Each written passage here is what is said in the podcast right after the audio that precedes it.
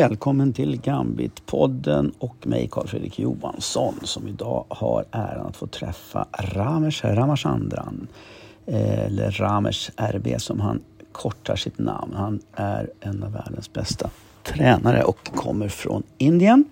Idag sitter jag och träffar honom i Norge, i Oslo, där han medverkar på ett träningsläger för unga superstjärnor från Norden. Normalt sett så bor han i Chennai i sydöstra Indien, vid kusten och han är som jag sa numera erkänd som en av superstjärnorna bland tränarna i schackvärlden. Han ledde Indiens unga lag nummer två till en eh, medaljplats till senaste schack-OS. Han har varit tränare i ganska många år men bara tränare sedan 2008. Innan dess var han stormästare i schack men han ändrade sig. Han ändrade sitt fokus och blev istället bara coach och tränare. En av de första han testade sina förmågor på var för övrigt en ung flicka på den tiden men som numera är hans hustru och en av hans viktigaste medarbetare. Han kommer berätta om det. Han kommer berätta om vilka saker man måste vara bra på för att bli bra på schack. Och en spoiler är att kärleken till spelet, utan den finns det inga möjligheter att bli riktigt bra. Två av hans främsta adepter är Vaishali och Pragnananda. Det är två syskon, stora syster och lillebror.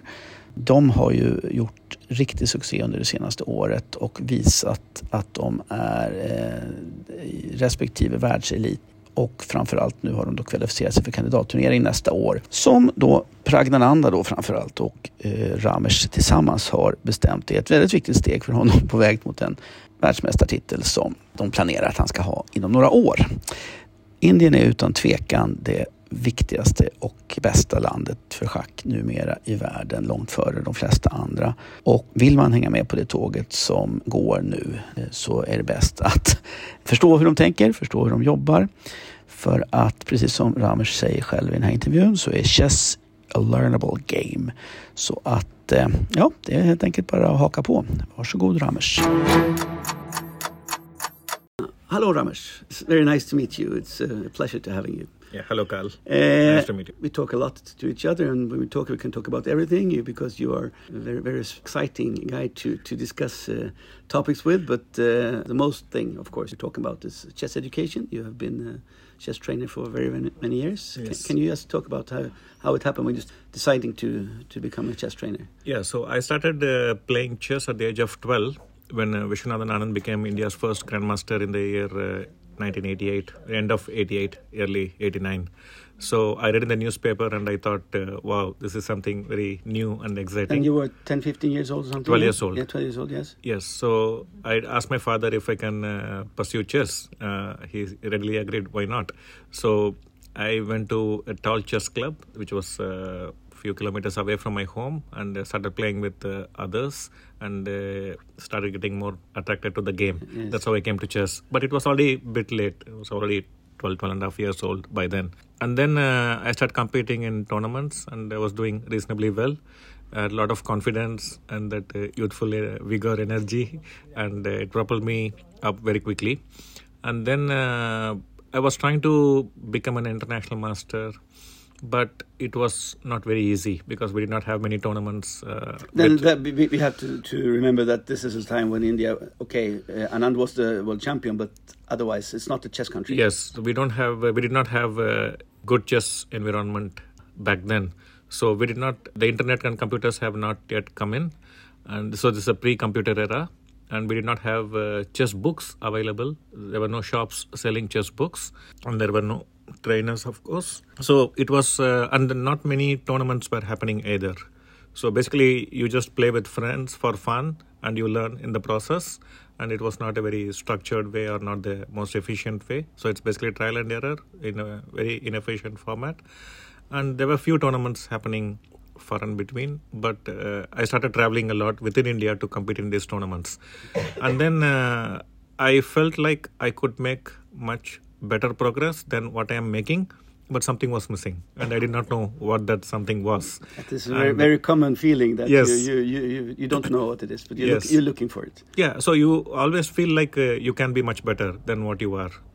so if those misses, missing pieces fall in place, you can reach your potential. So what those missing pieces were, it's very hard to come by.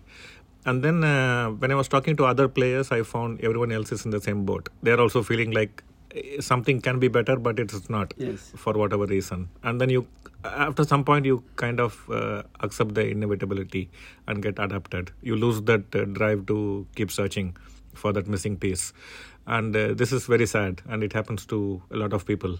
But luckily for me, like uh, when I was 22 years old, 10 years after I started playing, I got the opportunity to travel with the Indian junior team for the Asian team Asian Junior Championship under 20. So the players were below 20 and I'm 22, so not much of a difference.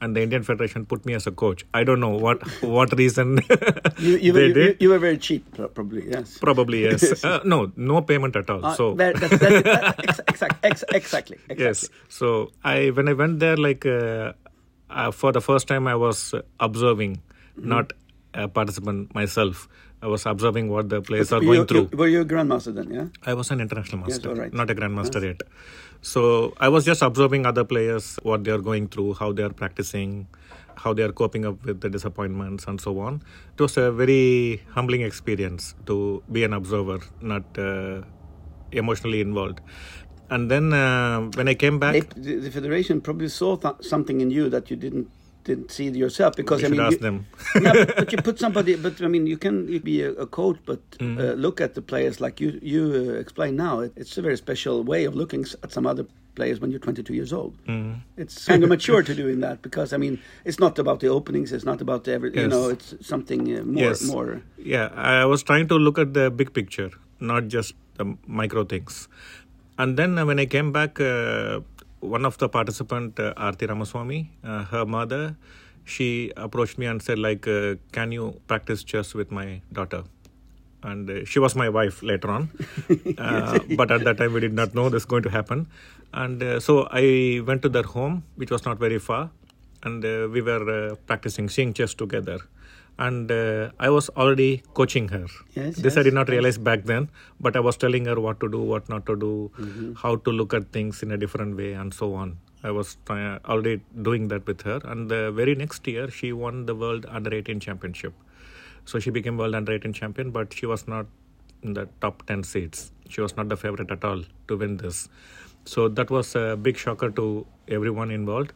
And, uh, and their opponents, of course, also. I mean, it was not. It was Yes, but I mean, still, in that in that time, uh, they were starting to talk about Indian players uh, going uh, to abroad, uh, very underrated, and you have to always to be aware of, of the strengths of Indian players. no, but we did not even see ourselves as underrated. No, you, we did, saw you didn't do ourselves- that, but we did that because you No, always, you always probably won. not back then. Probably not Okay. back then.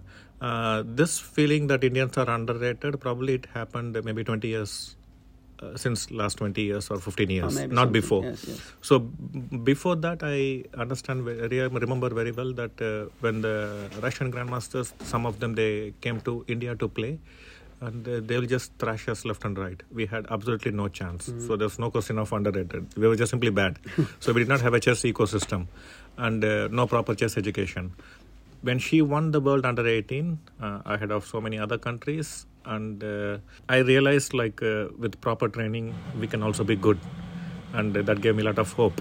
So then I started uh, looking more deeply into how to learn something efficiently and what are the barriers that come in the way of effective learning and how to overcome these barriers. So one is to identify the barriers, understand the reasons why these are happening and how to overcome them. If I can understand these three issues very well, I can be much more effective in my work with those players.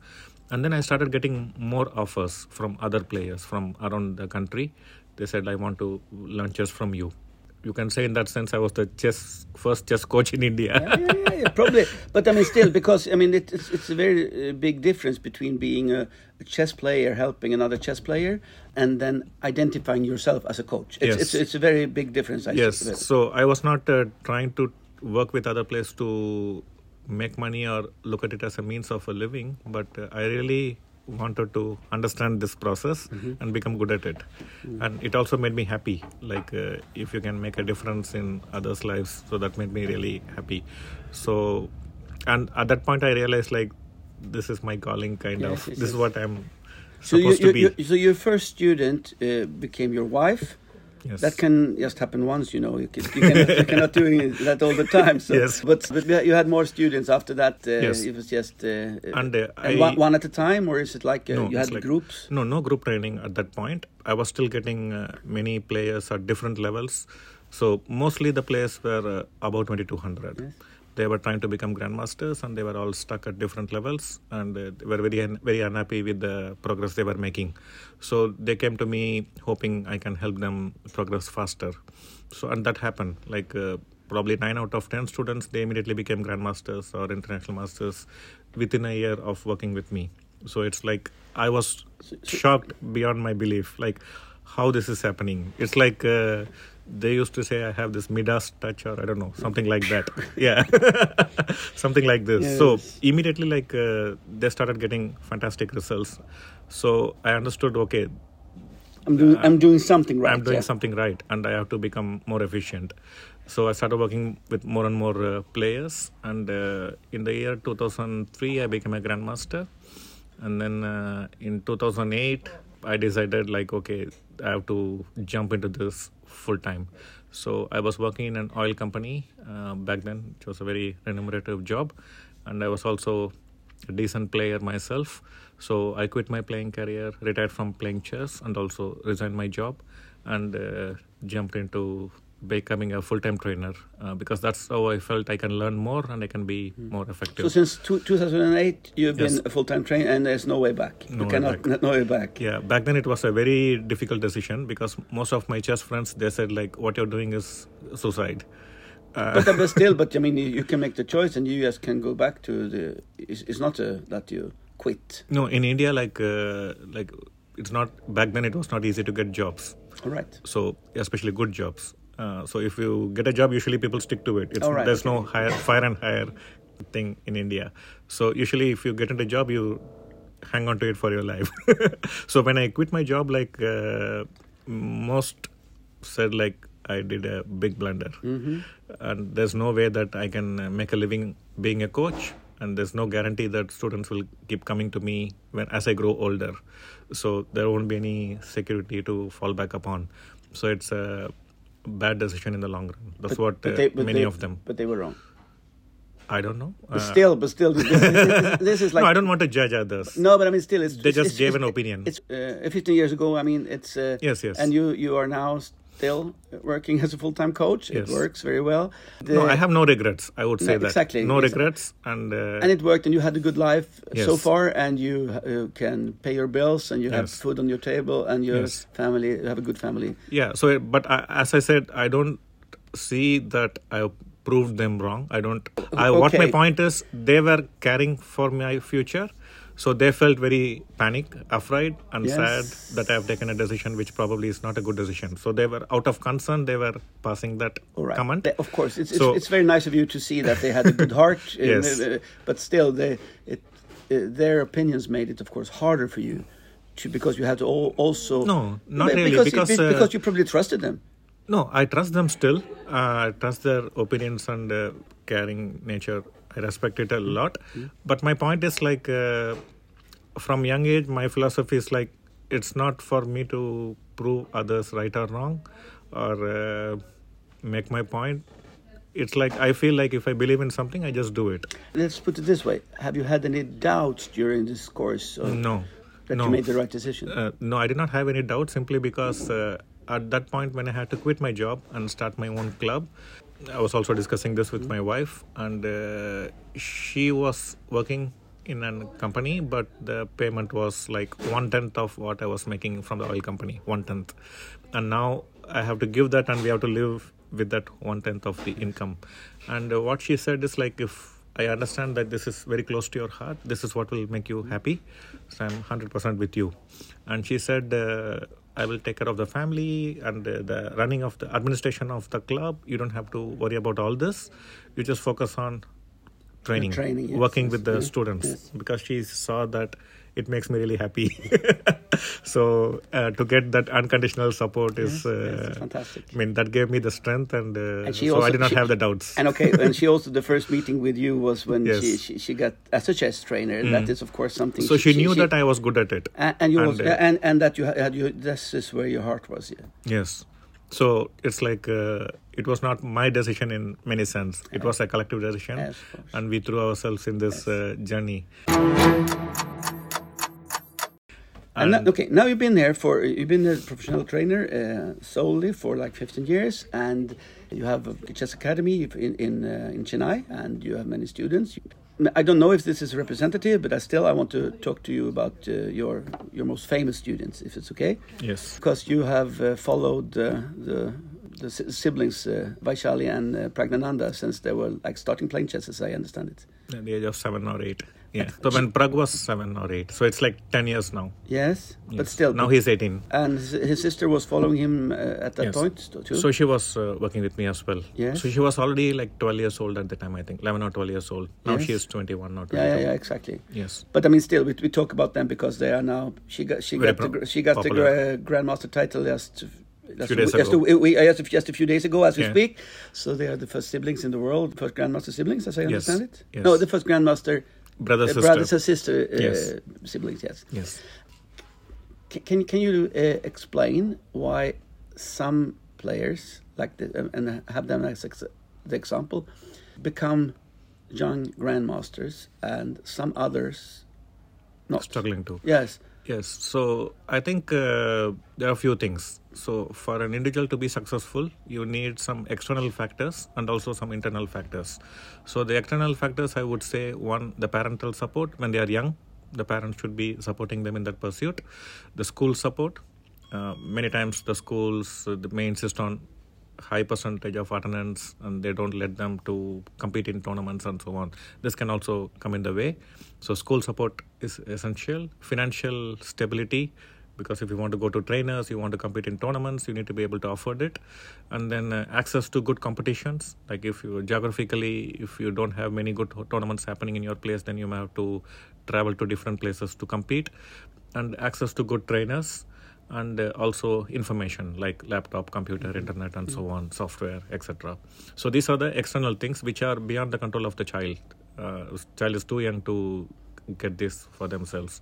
So this should be managed by the society especially by the parents they have to provide for these things now let's assume all this is taken care Yes. and uh, now the so this does not guarantee success I mean, if you have access to all this information, like access to good tournaments, good trainers, supportive parents, school, money, Yes, yes. yeah. So this does not uh, guarantee success. So it is where the internal attributes kick in. So now the child, in my view, they should have few qualities. One is the passion for the game, like they should uh, love chess or whatever activity they're trying to pursue wholeheartedly, and it should make them happy. So for me, like teaching chess makes me happy. Or uh, so similarly for young children who want to be good chess players, just not just the playing aspect, but just talking about chess, thinking about chess, working on chess, learning in chess. All this should excite them, make them happy. Can you can you see, if if you look if you look at the all the the young grandmasters that you have met Mm. during the years, is it something they have in common? Yes, They love it. yes, it just makes them happy. It's like candy for them. yes, yes, yes, yes. Because you said something where, uh, about just Pragnananda that if he cannot study chess or read chess books or whatever, his life would be totally miserable. yes. And that is uh, that is such, such a interesting thing to, to say. Yes. But uh, if that is true, then of course he should do that. Yes. So this how uh, I see like uh, everyone they are passionate about few things and this is known since their young age. For example, like my son, I tried to introduce him to chess. He did not like it. He was more of an outdoor guy, and I was at a loss like, uh, what does he like, and how can I support him? And then uh, at some point, I noticed like when he comes home, he takes a table tennis bat and uh, hits the ball on the wall. Yeah, Yeah, the moment he comes home, he starts. There's no table tennis uh, know. infrastructure in my home, Right. so he just uh, hits the ball at the wall. The ball comes back. He Yes, hits it yeah, again, yeah, yeah, yeah. and I thought like he's just passing time like this. And then, but uh, after a few weeks, I understood like he is doing this most of the time. All right. Okay. And then I understood, like, okay, this is what he likes. Then I went to school and I said, how did he learn this? And then they said, like, we have a table tennis class and he's observing and he's, play, other he's, kids play, play. he's playing all the time. yes. Yes. and then we enrolled them Yeah, and yeah. so on. So basically, like, the children at some point will give an indication that mm-hmm. something Yes. they like very much.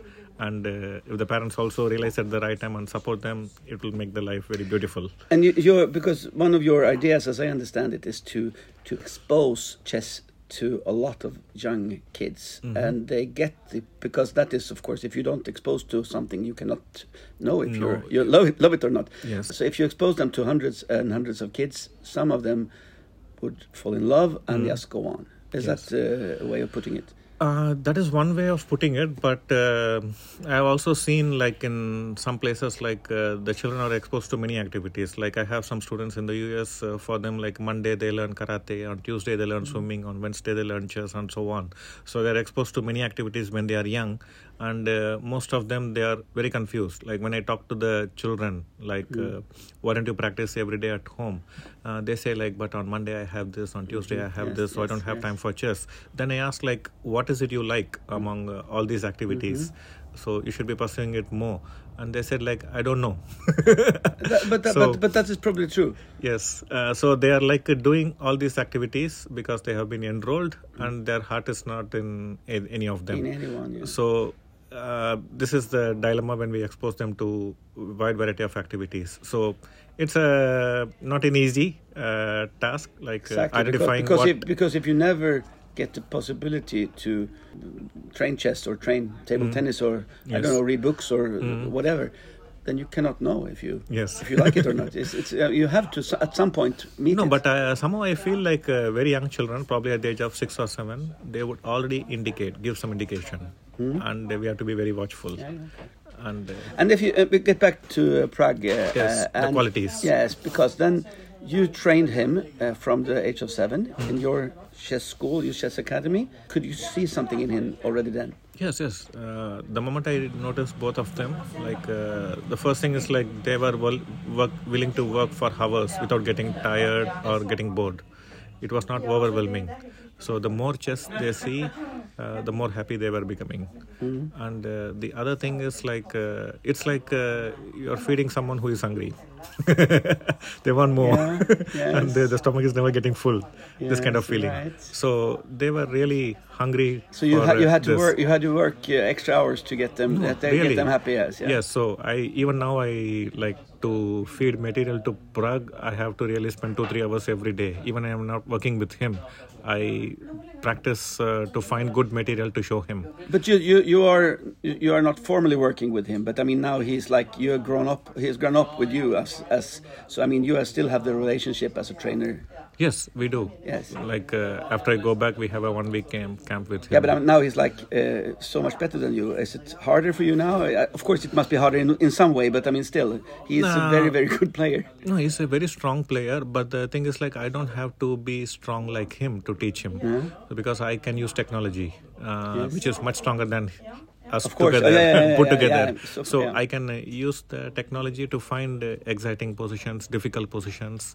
So my role is like I keep looking at his games and I I understand his thought process, his. Uh, uh, the moments which makes him uncomfortable or makes him uncertain so i try to find more such positions and in our training expose him uh, more and more in such areas so that he feels comfortable in those areas as well and this is not very difficult But do, do you see that the same player now as it was five years No, ago? no, no, is no. it?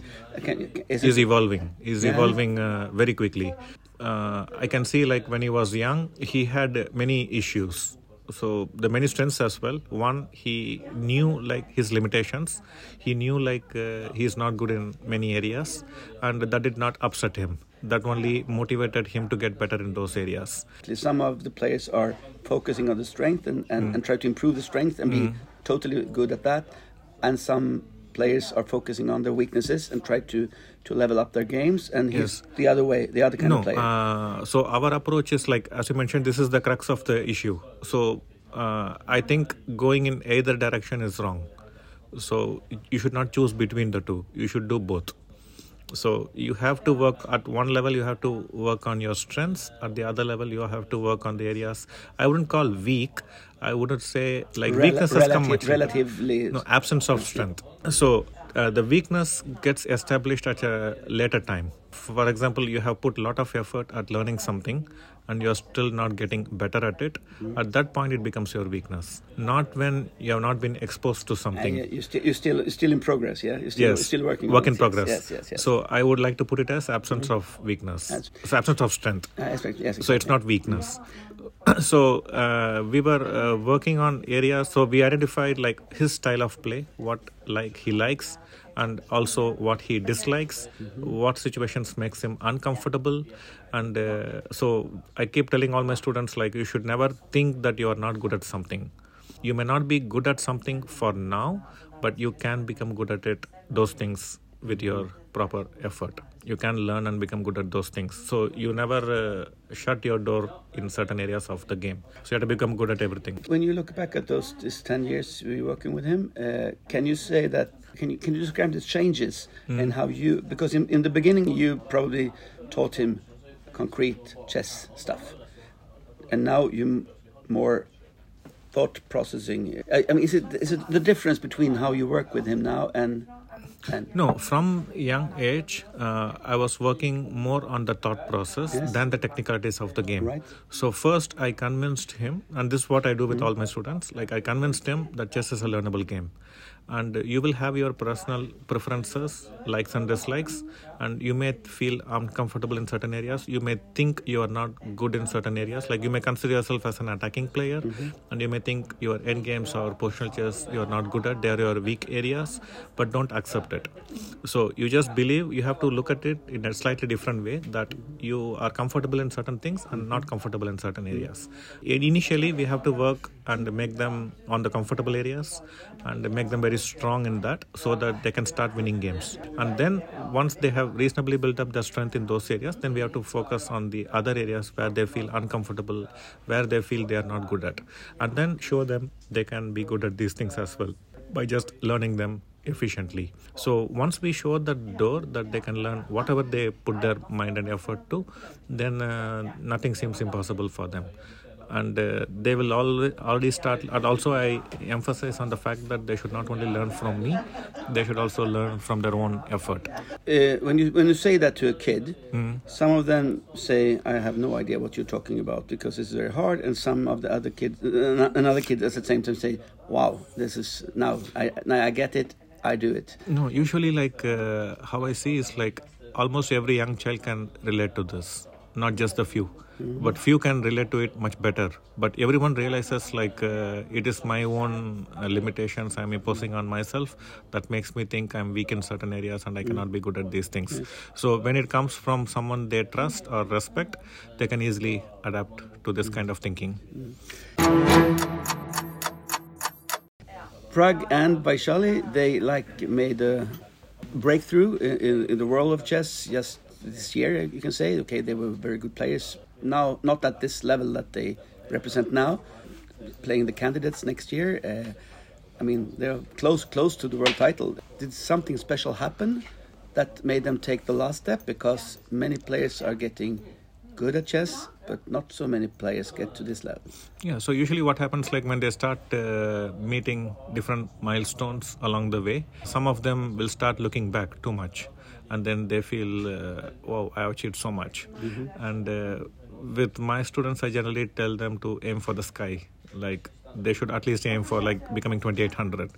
At, And, le- uh, at least 2800. Yes. And, uh, And then we start as, working. As, as we know, what, what is one or two players at Yes, at one or two players Yes, in the world. Yes, yes, yes. So if they are really their heart is in it, Mm-hmm. I mean, why put limitations at the beginning itself and settle for less? So aim for the best that you can be. Try to be the best in the world in that. So Mm. when I began uh, becoming a full-time chess trainer, I told my wife like I want to be the best chess trainer in the world. So I was not, and uh, I still don't know if I am. But that's not the point. My point is. Uh, when you start something, you have to be very optimistic and aim for being the best in whatever you want to do. And at least, even if you don't reach your aspirations, but you can definitely try to get there. And by investing yourself wholeheartedly. And this is what I try to impress upon my students as well. And those who are able to just continue along this path, not looking back and say, okay, I've achieved so much already. Many children, unfortunately, they do this. And uh, they give a lot of interviews, they gloat on the popularity, and uh, they're suddenly making a lot of money and all this.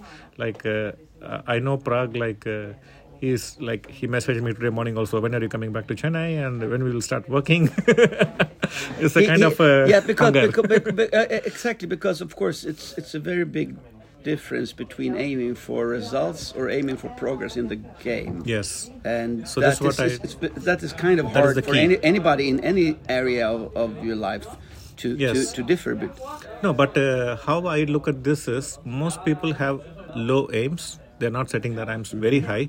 So most children say, "I want to become a grandmaster." I think like if you have a human intelligence and uh, reasonable work ethics, you can become a GM. so so it's like uh, finishing school. Uh, this should not be an ambition. So your ambition should be to become a PhD or something like that. Yeah. So uh, most children, unfortunately, they are not taught that they can become good no one gives them that confidence and the feeling that they can be good. So basically that is one of the role of a trainer to just open many doors at least few doors for them and at least tell them that there are many doors unleft open uh, left unopened.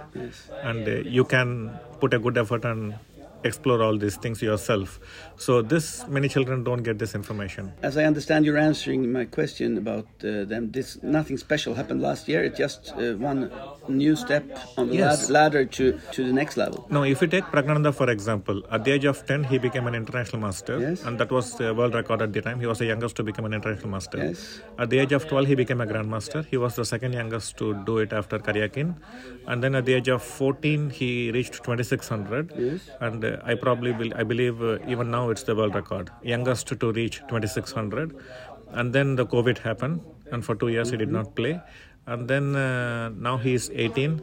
So along the way, he has become Asian champion and probably the youngest to become Asian champion at the senior level.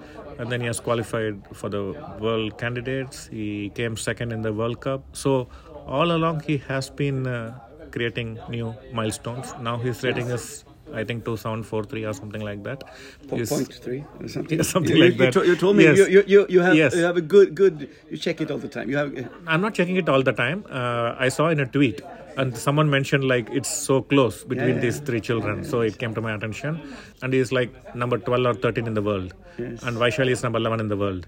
So I don't see like uh, there is a spurt of in growth, but it was like always there, and people did not notice, but it was always because, there. because now it's the first time their level is At like, this level. like the world adult yes. level. And, and now, okay, we, we are talking. Uh, it's December now, and in uh, next spring, the candidates in Toronto. What what can we hope to see? So my timeline in my mind Yes. is like he will become a GM, Prag will become a GM, a world champion uh, in three to five years. Right. So that was my belief. So the thing is like uh, it's kind of uh, him coming second in the FIDE World Cup and qualifying for the candidates. It kind of upset the timeline, you can say. now uh, we are already playing for the candidates, which I thought will happen in one or two years later. So now that he has already he's already got a shot at it.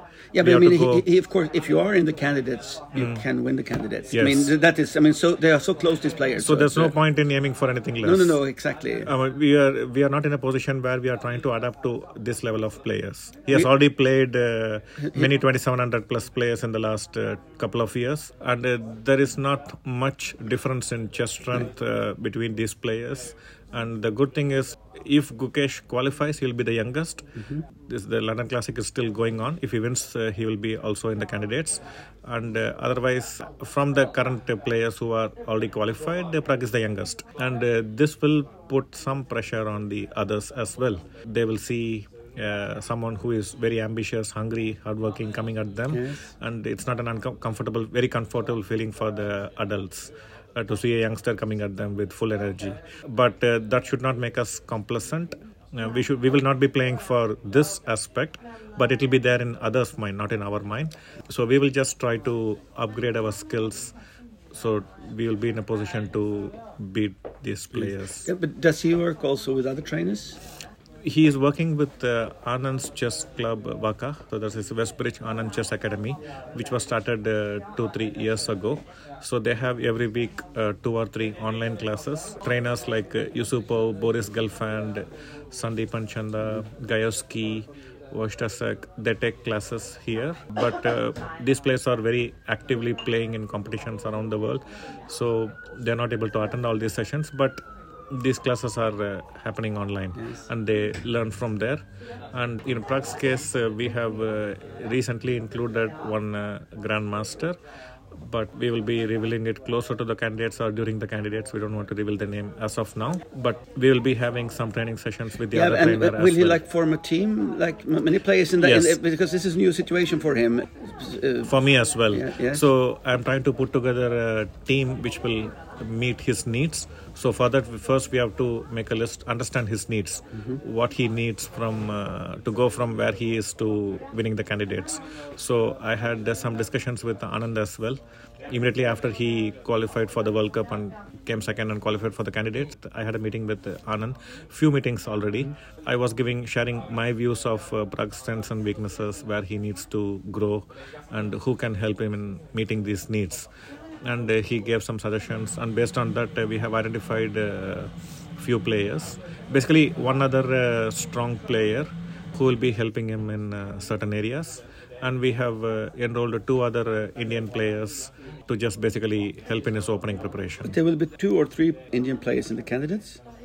Uh, Yes. There is also Vidit Gujrathi, Yeah, did. who is already and Prag is two. Prag, and, And maybe, Gukesh maybe is uh, Gukesh. maybe So two or three. two or three. In the women, we have uh, Vaishali. Yes. So uh, yes, exactly. If you if you exactly, but I mean, between the men first, are they hard competitors, or will they work together, or are they friends, or they are? They will not work together No? for sure. Vidit has his own team, and we don't know who are part of the team. Mm-hmm. And uh, similarly, when Gukesh qualifies, he will also have his own team helping him. So we'll not be working together for sure.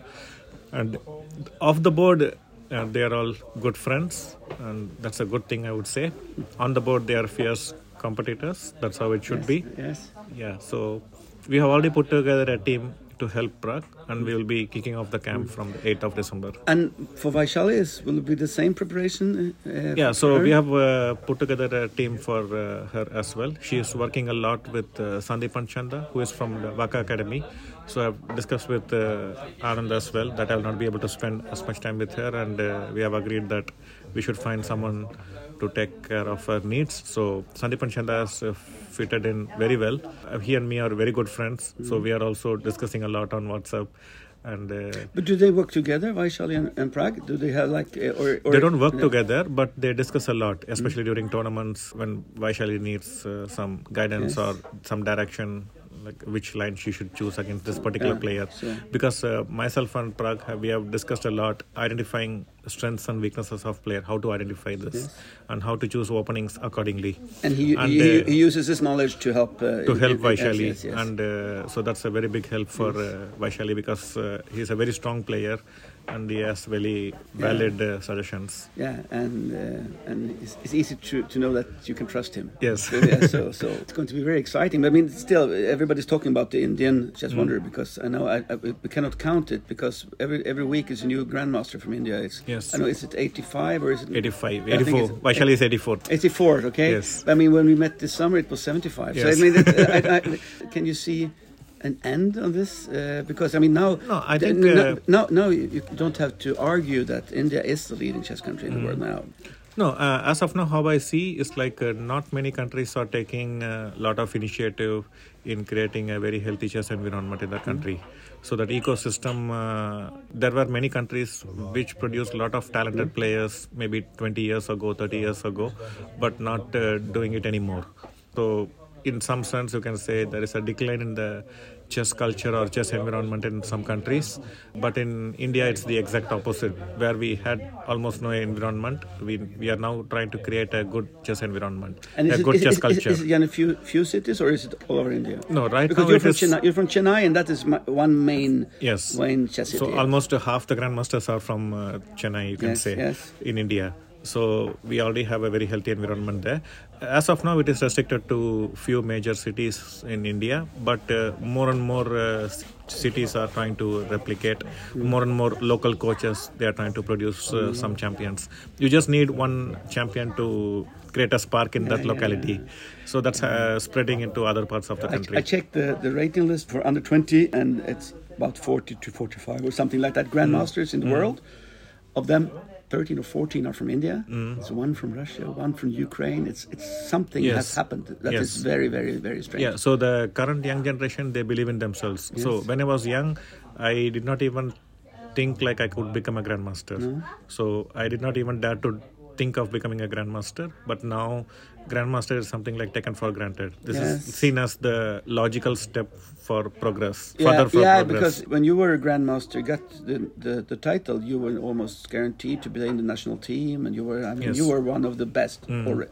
But now, if you're a grandmaster, you're, One of you, the many. You, you're number 84. Yes.